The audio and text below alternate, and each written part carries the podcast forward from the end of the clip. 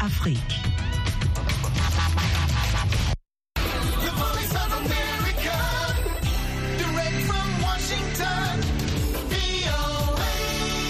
Sasha Hausa na muryar Amurka ke magana daga nan birnin Washington DC.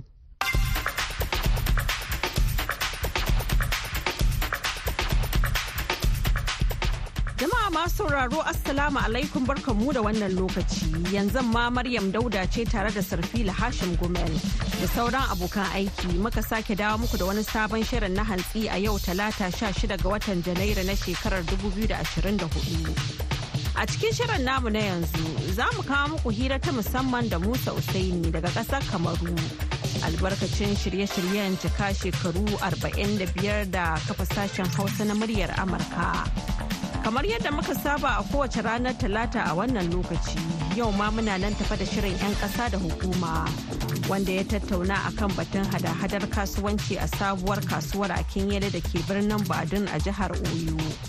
Sannan kuma za mu kawo muku sharhin jaridan ƙasar Nijar, amma yanzu dai sai a gyara zama a saurari labaran duniya kashi na farko. Jama'a salamu alaikum da fatan ana shan hantsi lafiya ga labaran duniya. Jiya Litinin ministan tsaron Isra'ila ya ce nan ba da jimawa ba za a ka ƙarshen yaƙin da Isra'ila ke da ƙungiyar Hamas amma ya kawar da batun tsagaita wuta. A wani taron manema labarai jiya Litinin Yoav Gallant ya ce za a ka ƙarshen yaƙin da sojojin Isra'ila suke a kudancin Gaza nan ba da jimawa ba. Ya ce a baya bayan ne sojoji suka ka ƙarshen hare-haren da suke kaiwa a ƙasa arewacin Gaza.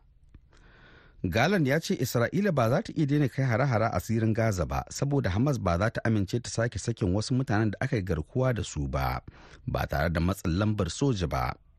Kalaman Galan na zuwa ne a daidai lokacin da ƙungiyar Hamas ta sanar da mutuwar biyu daga cikin mutanen da aka yi garkuwa da su a harin da ta kai a watan Oktoba. A cikin wani faifan bidiyo da ƙungiyar Hamas ta fitar a ranar Litinin, ƙungiyar ta nuna gawawakin mutane biyu da ta ce na daga cikin waɗanda ta yi garkuwa da su. A cikin wata sanarwa ta fitar ɗauke da hoton bidiyo hamas ta ce sojin isra'ila ne suka kashe mutanen. Kakakin sojin isra'ila daniel hagari ya musanta cewa sojin isra'ila ne suka haddasa mutuwar. 'yan tawayen hutu sun harba makami mai linzami kan wani jirgin ruwan amma mallaka amurka jiya litinin a kusa da gabar ruwan yaman a mashigin tekun adin harin na ranar litinin kan jirgin gerafta eagle ya zo ne kasa da kwana guda bayan da 'yan tawayen hutu na yaman suka harba makami mai linzami kan wani jirgin ruwa na amurka a tekun bahar maliya. Daga bayan mayaƙan hutu sun yi ikirarin kai harin wanda ya kara dagur al'amura a yankin bayan harin da amurka ta kai kan 'yan wato kan 'yan tawayen. Hare-haren ƙungiyar 'yan tawayen sun harzuka jiragen ruwa na duniya a daidai lokacin da yaƙin isra'ila da hamas a zirin gaza ke ci gaba da faruwa yayin da suke kai hare-hare kan muhimman hanyar shigar da makamashi daga gabas tsake zuwa asiya da kuma jigilar kayayyaki zuwa mashigin suez zuwa turai.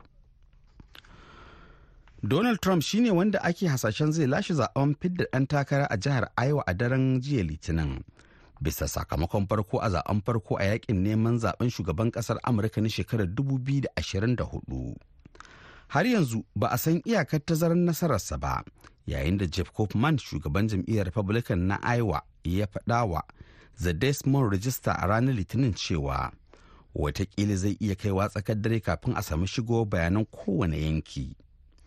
Magoya bayan tsohon shugaban sun jure wa yanayin sanyi wato mai barazana ga rayuwa domin shiga cikin tarukan da trump ya yi a makarantu da coci da cibiyoyin al'umma a faɗin jihar gwamnan florida ron desantis da tsohuwar jakadiyar majalisar ɗinkin duniya nikki haley sun fafata a matsayin na biyu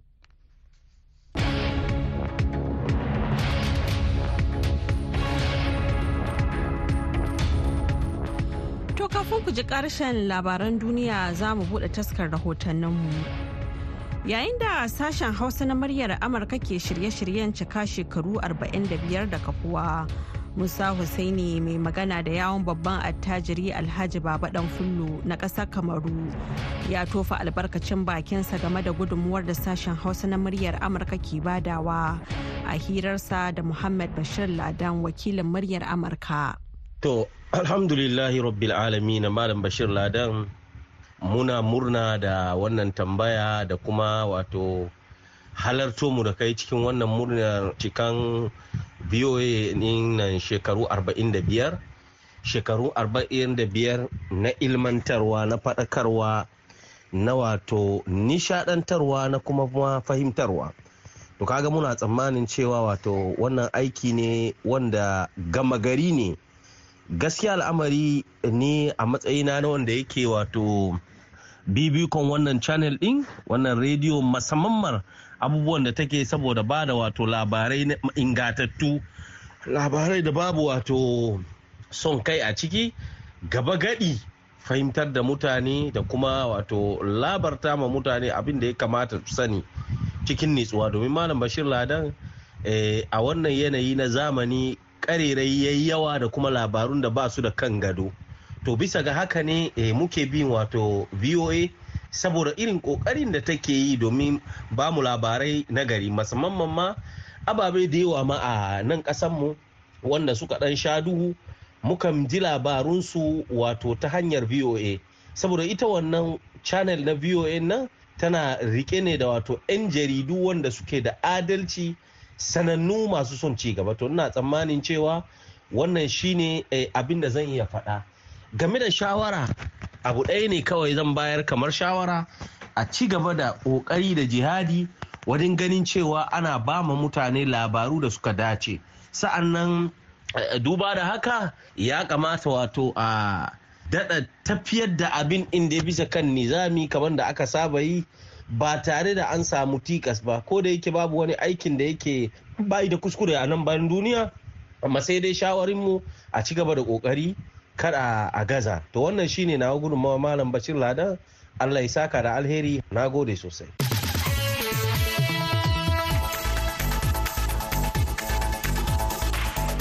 Madalla a gaida Muhammad Bashir Ladan da ya yi wannan hirar. Shirye-shiryen na zuwa muku ne daga nan sashen Hausa na muryar Amurka a birnin Washington DC. Yanzu kuma ga karashen labaran duniya. jiya litinin hukumar kula da zirga-zirgar jiragen sama ta tanzania ta sanar cewa ƙasar ta janye amincewarta na barin jiragen kenya airways yin zirga-zirga tsakanin nairobi babban birnin ƙasar kenya da dar es salaam wato cibiyar kasuwancin tanzania tanzania ta ce ta ɗauki wannan mataki ne a matsayin ramuwar gayya akan tauye haƙƙin da kenya ta yi wa jiragen saman air tanzania don gudanar da jigilar kayayyaki tsakanin ƙasashen biyu. A cikin wata sanarwa ta fitar hukumar kula da jiragen sufurin jiragen sama tanzania ta ce ta yanke shawarar soke amincewar da aka ba kenya airways na yin jigilar fasinja tsakanin nairobi da dar es salaam wanda zai fara aiki daga ranar 22 ga wannan wata na janairu shekarar 2024 hukumar ta kuma ce matakin da kenya ta ɗauka na ƙin amincewa da buƙatar air tanzania na jigilar kayayyaki ya saba yarjejeniyar fahimtar juna ta 2016 tsakanin ƙasashen biyu kan harkokin sufurin jiragen sama. Kasar Kenya za ta nuna bajinta a yau talata inda wata babbar tawaga da firaministan ƙasar Lee Kian ya jagoranta wajen taron shekara-shekara na manyan ƙasashen duniya a birnin Davos duk da yaƙin da ake yi a Ukraine da kuma Gaza. Shi ma shugaban ƙasar Ukraine Vladimir Zelensky zai halarci taron tattalin arzikin duniya da kansa a karan farko tun bayan da Rasha ta fara mamaye ƙasar a shekarar 2022. Yana fatan ƙara samun taimako yayin da rikicin ke dab da cika shekaru biyu. Kiev da yana ci gaba da wato yana ci gaba da fafutuka don ganin cewa tallafin kuɗi bai tsaya ba ga Ukraine a lokacin yaƙi mafi girma a nahiyar Turai tun bayan yaƙin duniya na biyu. Yayin da hankalin duniya karkata ga yankin gabas da tsakiya sakamakon fargabar barkewar rikici rikicin gaza. Daga ƙarshe an zaɓi lionel messi a matsayin gwarzon ɗan wasan ƙwallon ƙafa na fifa bayan da ya tashi daga paris saint-germain zuwa inter miami don ya jagoranci ƙungiyar mallakar david beckham zuwa gasar cin kofin wani ƙaramin league da ba a san shi sosai ba. Yayin da yake shirin ɗaukaka darajar ƙwallon ƙafa a amurka. Jiya litinin aka zaɓi tauraron ɗan ƙasar ta argentina mai shekaru 36 a cikin su kilin mbappe da alin haaland mutane biyun da ya bige wajen lashe babbar kyautar girmamawa ta balloon d'or karo na takwas a watan oktoban da ya gabata bayan ɗan lokaci zakarar gasar cin kofin duniya aitana bommati ta sami kyakkyawan wato shekara kyautattuka. 'Yar wasan ta Spain mai shekaru 25 da haihuwa ta zama gwarzuwar 'yar wasan ƙwallon kafa ta mata ta FIFA. Inda ta ɗaura kan kyautar Ballon d'Or a watan Oktoban da ya gabata, wanda ya biyo bayan kyautar yufa a watan Agusta.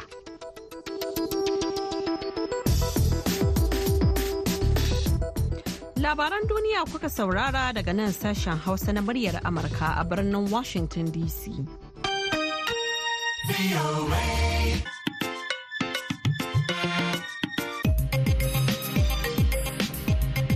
Madalla, kafin ku ji shirinmu na gaba, ku ɗan shakata da wannan waƙar.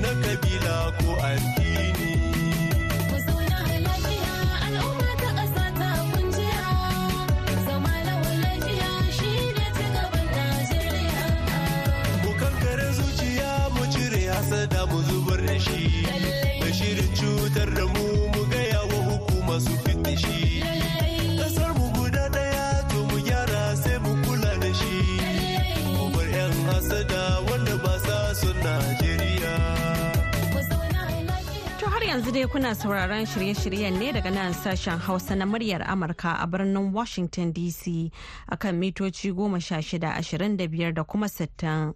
A jamhuriyar Nijar kuma za a iya sauraron mu a tashar mu ta VOA Africa akan mita ɗari da biyu da ɗigo biyar zangon FM. Bayan haka a koda yaushe za a iya jin mu ta shafukanmu na yanar gizo a voahausa.com ko kuma sashen hausa.com. Yanzu kuma ga shirinmu na gaba. 'Yan ƙasa da hukuma. Mulkin kai ba son kai ne ba, ba ni ke kafa a ci daɗi ba, ba alkawarorin karya ba, inda masu irin wannan a gaba, yankin bai tsina na komai. Masu saurari Assalamu alaikum barka da saduwa da ku ta cikin shirin 'yan ƙasa da hukuma da ni Mahmud Ibrahim Kwari zan gabatar. akwai ramu da kuma ruwa waɗanda makwancin ruwa sosai waɗanda suke kahin mota mata wuto da albasa ta shiga cikin kasuwar. Wani lokacin sai mota ta yi gaba ta yo baya ana ta sa waigi ana tsaye da ita. Kowa da kowa ya san cewa duk da kasuwa yake akwai mutane da yawa. Irin abu irin abin da ya sabi ɓangare na wuta na gwamnati na kasuwa mu nan babu. Idan mu rashin lafiya ya samu wani daga cikin mu sai mu yi kukuwar ɗaukar shi mun kai can cikin garin akinyele 'Yan kasuwa kenan da ke gudanar da hada-hadar cinikayya a sabuwar kasuwar a Kinyale wani yanki da ke gefen birnin Badum na jihar Oyo a kudu maso yammacin Najeriya. Kuma shine batun da shirin 'yan ƙasa da hukuma na yau zai yi tsokaci a kai. A dakace mu. Don san mun nasara, wasu ma a ciki nasu sun fara, haɗa gulu matsakani kan akara, ko gama ko. Madalla. Masu ware ɗimbin 'yan kasuwa ne ke gudanar da harkokin cinikayya galibinsu 'yan asalin arewacin Najeriya mazauna jihar Oyo a kasuwar Akinyele da ke gefen birnin Badin fadar gwamnatin jihar ta Oyo a kudu maso yammacin Najeriya. Sai dai duk da ɗaruruwan miliyoyin naira da hukumomin jihar da ma karamar hukuma ta Akinyele ke samu a matsayin rabano ko kuma kuɗaɗen shiga ga gwamnati. Amma 'yan kasuwar sun ce suna fama da ƙalubale daban-daban wajen gudanar da harkokinsu na kasuwanci. Abokin aiki Hassan Umar Tambuwal ya ji korafin 'yan kasuwar kuma ga rahoton da ya hada mana. Kasuwar kayan gwari da ke garin Akinyele waje da birnin Ibadan kasuwa ce da ake hada-hadar kayan gwari daga jihohin Najeriya har da makwabtan ƙasashen Afirka. Wasu 'yan kasuwar da na tattauna da su sun ce kasuwar tana fama da wasu matsaloli da dama kamar rashin hanyoyi wutar lantarki da dai sauransu. Farko ga shugaban kasuwar da nashi bayani. Sunana Alhaji Usman Idris Yako, Shaman Akin Yala Market, kasuwar Ata, kasuwar Gwari. Wannan kasuwa tamu tana da sassa da yawa. Akwai ɓangaren 'yan tumatir, akwai ɓangaren masu albasa, akwai ɓangaren masu tarugu, tattasai, shambu, akwai kuma ɓangaren masu masara, akwai ɓangaren masu dankali, akwai ɓangaren masu kubewa, akwai ɓangaren masu ganyayyaki haka na da kuma masu kaji. Kai koken mu saboda abin da yake damun ainihin su masu motoci na 'yan kasuwa shine matsalar hanya da muke da ita. Sunana Sani Sidi Shagari wanda aka fi sani da Sani Shagari. Ni dillali ne wanda kowane ɓangare ina saukewa. Ina cikin dillalan albasa kuma ina sauke tumatir ina sauke ɓangaren taruguma. Kamar matsalar hanya ta shigowa daga Federal Road kan Express shiga cikin kasuwar da kaya. Akwai ramu da kuma ruwa waɗanda makwancin ruwa sosai waɗanda suke kahin mota mata wuto da albasa ta shiga cikin kasuwar za a ɗauki dogon lokaci wani lokacin sai mota ta yi gaba ta yo baya ana ta sa waigi ana tsaye da ita. Wannan irin matsalar rashin hanya wace irin illa take muku ga kasuwancin kuna albasa? Tana kawo illoli da dama waɗanda rashin hanya yana sa tsaikon mota bata zo da wuri ba har ta kai kwana ɗaya ko biyu kafin ta shiga. Haƙƙin gwamnati ne ya kamata ta gyara. Gwamnati kun taɓa neman ta domin ta taimaka muku ta gyara muku wannan hanya? Mai girma ciyaman ya yi ƙoƙari ya nemi gwamnati musamman ta karamar hukumar akinyele ya nuna musu halin da ake ciki. Kuma gwamnatin tana da wakilanta a nan kasuwar suna karɓar revenue ɗinsu kamar state kuma local government ma ita ma tana karɓa. Mai girma gwamnan jihar oyo injiniya sheyi makinde da kanshi ma ya zo nan cikin kasuwar inda ya tara dubun dubatar al'umma waɗanda suke cikin kasuwar ya kuma yi musu alkawarin cewa zai gyara hanyoyi. Ya ga akwai matsalar hanyoyi zai ƙoƙari ya gyara kuma zai sa wuta zai ƙoƙari ya kawo ruwa cikin kasuwa sunana ne abdulwasiu abdulaziz wanda kowa da kowa shan cewa ana kira wasiu dan kashi nan kasuwa a kinyele akwai matsaloli da yawa sai dai sa dan karanta dan kada a ciki. Ta farko shine nan kasuwa yanzu kowa da kowa ya san cewa duk da kasuwa yake akwai mutane da yawa. Irin abu irin abin da ya safi ɓangare na wuta na gwamnati nan kasuwa nan nan babu. Sai dukkan mu muka dore kike kudade naira toro kobon da muna samu shine muka dore muka hada muna muka sa wuta na sola nan. Shine muka amfana da shi. Inda Allah sa kuma aikin mu wanda muka yi da dire ya jami'an tsaro kamar yan sanda ko civil defense kuna da su a cikin wannan kasuwa domin tsaro? Akwai na gwamnati amma mu muna da namu daban wanda yake mun security amma security na mu sai dai wanda muka sa hannu mu a jufu muka taimaka mu juna muka kawo su nan. Ba cewa wani gwamnati ne yake doko mu wani yan sanda cewa ya ba mu moto na isaya nan idan ga kula mu da aikin mu da komai kuma su ba. Yanzu waɗannan abubuwan da ka faɗa kamar ruwan sha tsaro da sauransu da kun taɓa magana da gwamnati domin ta taimaka muku ta karamar hukuma local government kenan ko kuma ta jiha ta state. Su ma suna da wakili wakili a nan kasuwa mana. Duk abin da yake da nan kuma shi ma sun sani. Idan aka kira su aka gaya musu ce ma gashi gashi gashi gashi. Kuma to a ta ma wannan sara wanda yake gaba na kasuwa ma mun ƙoƙari kuma a so a debe mu wannan sara mun. A yanzu ba mu ji komai ba. Killan gwamnati da suke nan kuna ba su kuɗaɗen shiga. Kun taɓa zama da su a game da duk waɗannan matsaloli? Eh mun taba sama da su akan yaro wani abu. Sai da cewa sa yi yau sa yi gobe. Saboda aiki ma gina gani aiki ne yi maso yawa. Ya sha kuma bai ma tina da mu ba tukuna. Sunana abubakar garba karaye. Na ku ɓangare. Matsalolin ko da suka fi shafin mu shine na magana asibiti. Ko da yake a wannan sabuwar kasuwa da gwamna ya yi mana sun yi asibiti a ciki amma har yanzu bai fara aiki ba. Inda ya zo an gina shi ga nan muna kallon shi. Domin idan mu rashin lafiya ya samu wani daga cikin mu sai mu yi kukuwar ɗaukar shi mun kai can cikin garin akinyele. Wani asibiti na yalo na nan shine ake dan jajjagulawa dai abin da ya kamata. In kuma emergency ne ko wani yaro nan a cikin mu wanda ake kira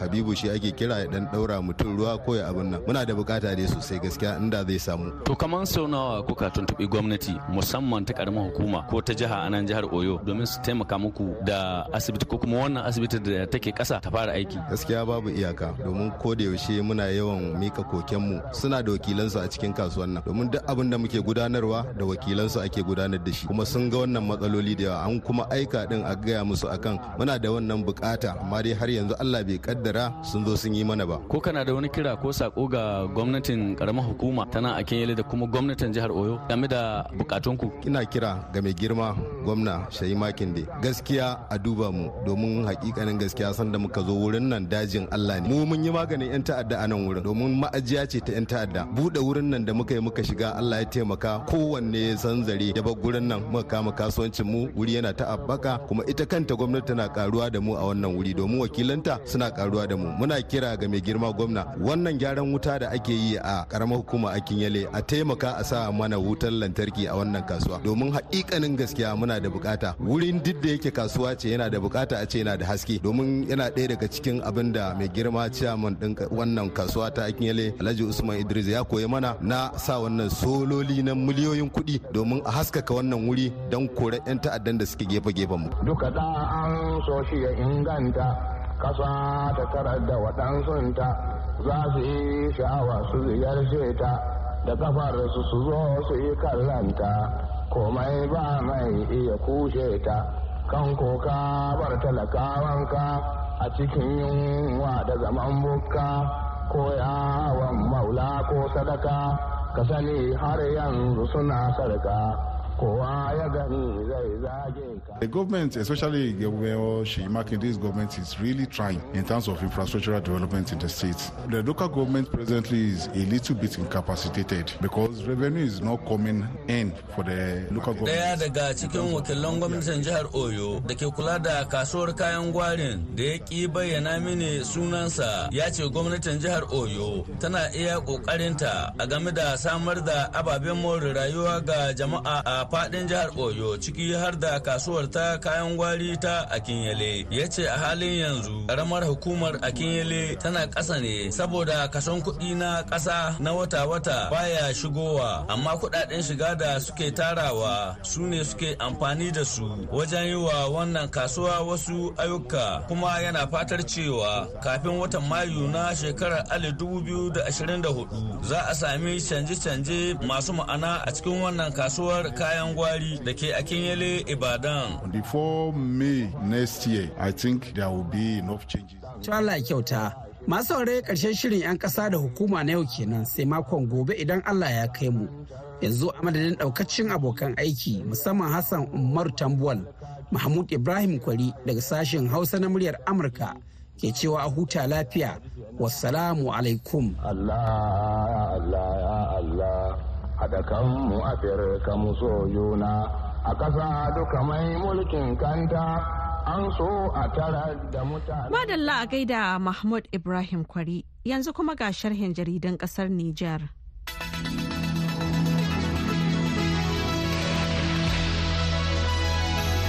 Za mu fara sharhin jaridun na wannan mako da jaridar Opinion wacce ta ruwaito cewa yanayin siyasa da na harkokin rayuwar da ake ciki a halin yanzu a Nijar na nuna alamun 'yan takardar ƙasar sun buge da siyasar a ci abinci a maimakon a yi abin a bisa manufofi irin na aƙida. Yarir ta ce ashe dama ba da zuciya guda galibin 'yan Nijar suka yi wa majalisar soja ta CNSP mu baya ba kawai magana ce ta neman kalaci. Jaridar Lanketer na cewa makomar jam'iyyun siyasa ta shiga halin rashin tabbas muddin aka ci gaba da tafiya a yadda gwamnatin rikon kwarya ke gudanar da harkoki a halin yanzu. Jariyar ta ce bayanan hukumomin mulkin soja na nunin za a gudanar da al'amura na rikon kwarya a tsawon shekaru kasa da uku yayin da wasu majiyoyi ke cewa sai da yawo ta buƙaci ganin komai ya kammala cikin watanni 15 zuwa 18 to amma kuma da zaran shawarar da majalisar cnsp ta bayar ta yi rinjaye shakka babu jam'iyyun siyasa da dama na iya durƙushewa. Saboda yin hakan na iya zama matakin toshe hanyar da suke amfani da ita don samun abin duniya daga dukiyar gwamnati. Jaridar lokanar amfiri ta ce dole ne a yi watsi da yarjejeniyar ayyukan ma'adanan ƙarƙashin ƙasa da kamfanin orano bayan la'akari da yadda abin ke tattare da rashin adalci kan batun kuɗaɗen da ya kamata a biya a matsayin na harajin takardar lasisin bincike wato permis de recherche. Jaridar ta ce a ka'ida miliyan biyu na sefa ne ya kamata a biya a kan kowane marabba'in kilomita a kowace shekara a matsayin na haraji. Saboda haka miliyan 400 na sefa ya kamata a baiwa nijar a kowace shekara a matsayin na harajin mahakar imuraren mai murabba'in kilomita 200 sai dai a maimakon haka miliyan biyar kacal ake baiwa ƙasar a shekara ma'ana jika biyu da rabi a kowane murabba'in kilomita. Saboda haka dole ne a sake duba wannan lamari. Mu karkare da jaridar le sahel wacce ke cewa firaministan niger ya saka hannu kan littafin da ofishin jakadancin iran a yamai ya buɗe da zummar karɓar ta'aziyya sakamakon harin da ya yi sanadin mutuwar wasu iraniyawa sama da ɗari a kerman a ranar uku ga watan janairun 2024 lamin zan wanda takanas ya tattaki zuwa ofishin jakadancin na iran mako guda bayan faruwar al'amarin ya bayyana alhini a madadin shugaban majalisar cnsp janar chani da gwamnatin rikon kwaryar niger sule mummuni barma muryar amurka daga yamai a jamhuriyar niger To madalla yanzu kuma ga wannan saƙon.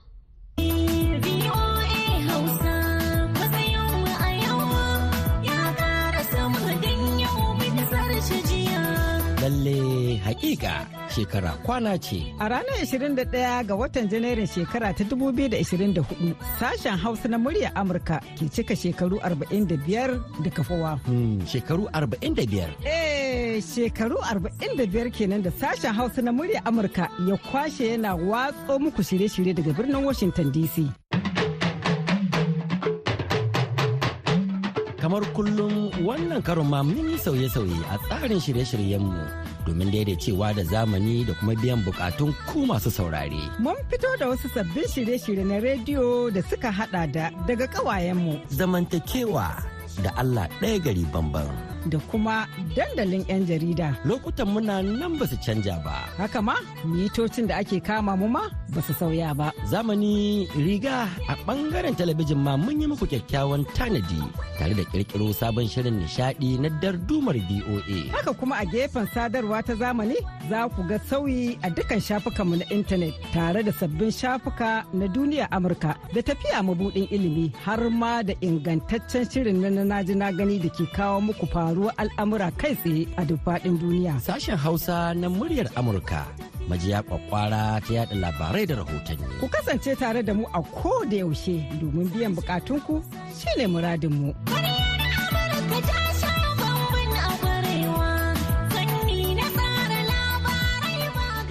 To madalla yanzu kuma ga labaran duniya amma wannan karan a takaici. To a taƙaice jiya litinin ministan tsaron Isra'ila ya ce nan ba da jimawa ba za a ka ƙarshen yaƙin da Isra'ila ke da ƙungiyar Hamas amma ya kawar da batun tsagaita wuta. A wani taron manema labarai jiya litinin Yoav Gallant ya ce za a ka ƙarshen yaƙin da sojin Isra'ila ke yi a kudancin Gaza nan ba da jimawa ba. Ya ce baya bayan nan sojoji suka ka ƙarshen har-haren da suke kaiwa a ƙasa arewacin Gaza. 'Yan tawayen husu sun harba makami mai linzami kan wani jirgin ruwan mallaka amurka jiya litinin a kusa da gabar ruwan yama a mashigin tekun adin harin na ranar litinin kan jirgin girafta eagle ya zo ne kasa da kwana guda bayan da 'yan tawayen hutu na yaman suka harba makami mai linzami kan wani jirgin ruwa na amurka a tekun bahar maliya. Donald Trump shine wanda ake hasashen zai lashe zaɓen fidda ɗan takara a jihar Iowa da ran jiya Litinin bisa sakamakon farko a zaɓen farko a yaƙin neman zaɓen shugaban takarar zaɓen shugaban ƙasar Amurka na shekarar 2024. Har yanzu ba a san iyakar tazarar nasararsa ba. To masu sauraro a nan muka kawo ƙarshen shirinmu na hantsi sai kuma an jima da rana za ku ji wasu abokan aiki madauke da wani sabon shirin. A madadin Sarfil Hashim Gumel da ya taya na gabatar da shirin da Solomon Abu wanda ya haɗa shirin da ba da umarni da ma injiniyan McKevin. Ni Maryam Dauda ke cewa ku huta lafiya.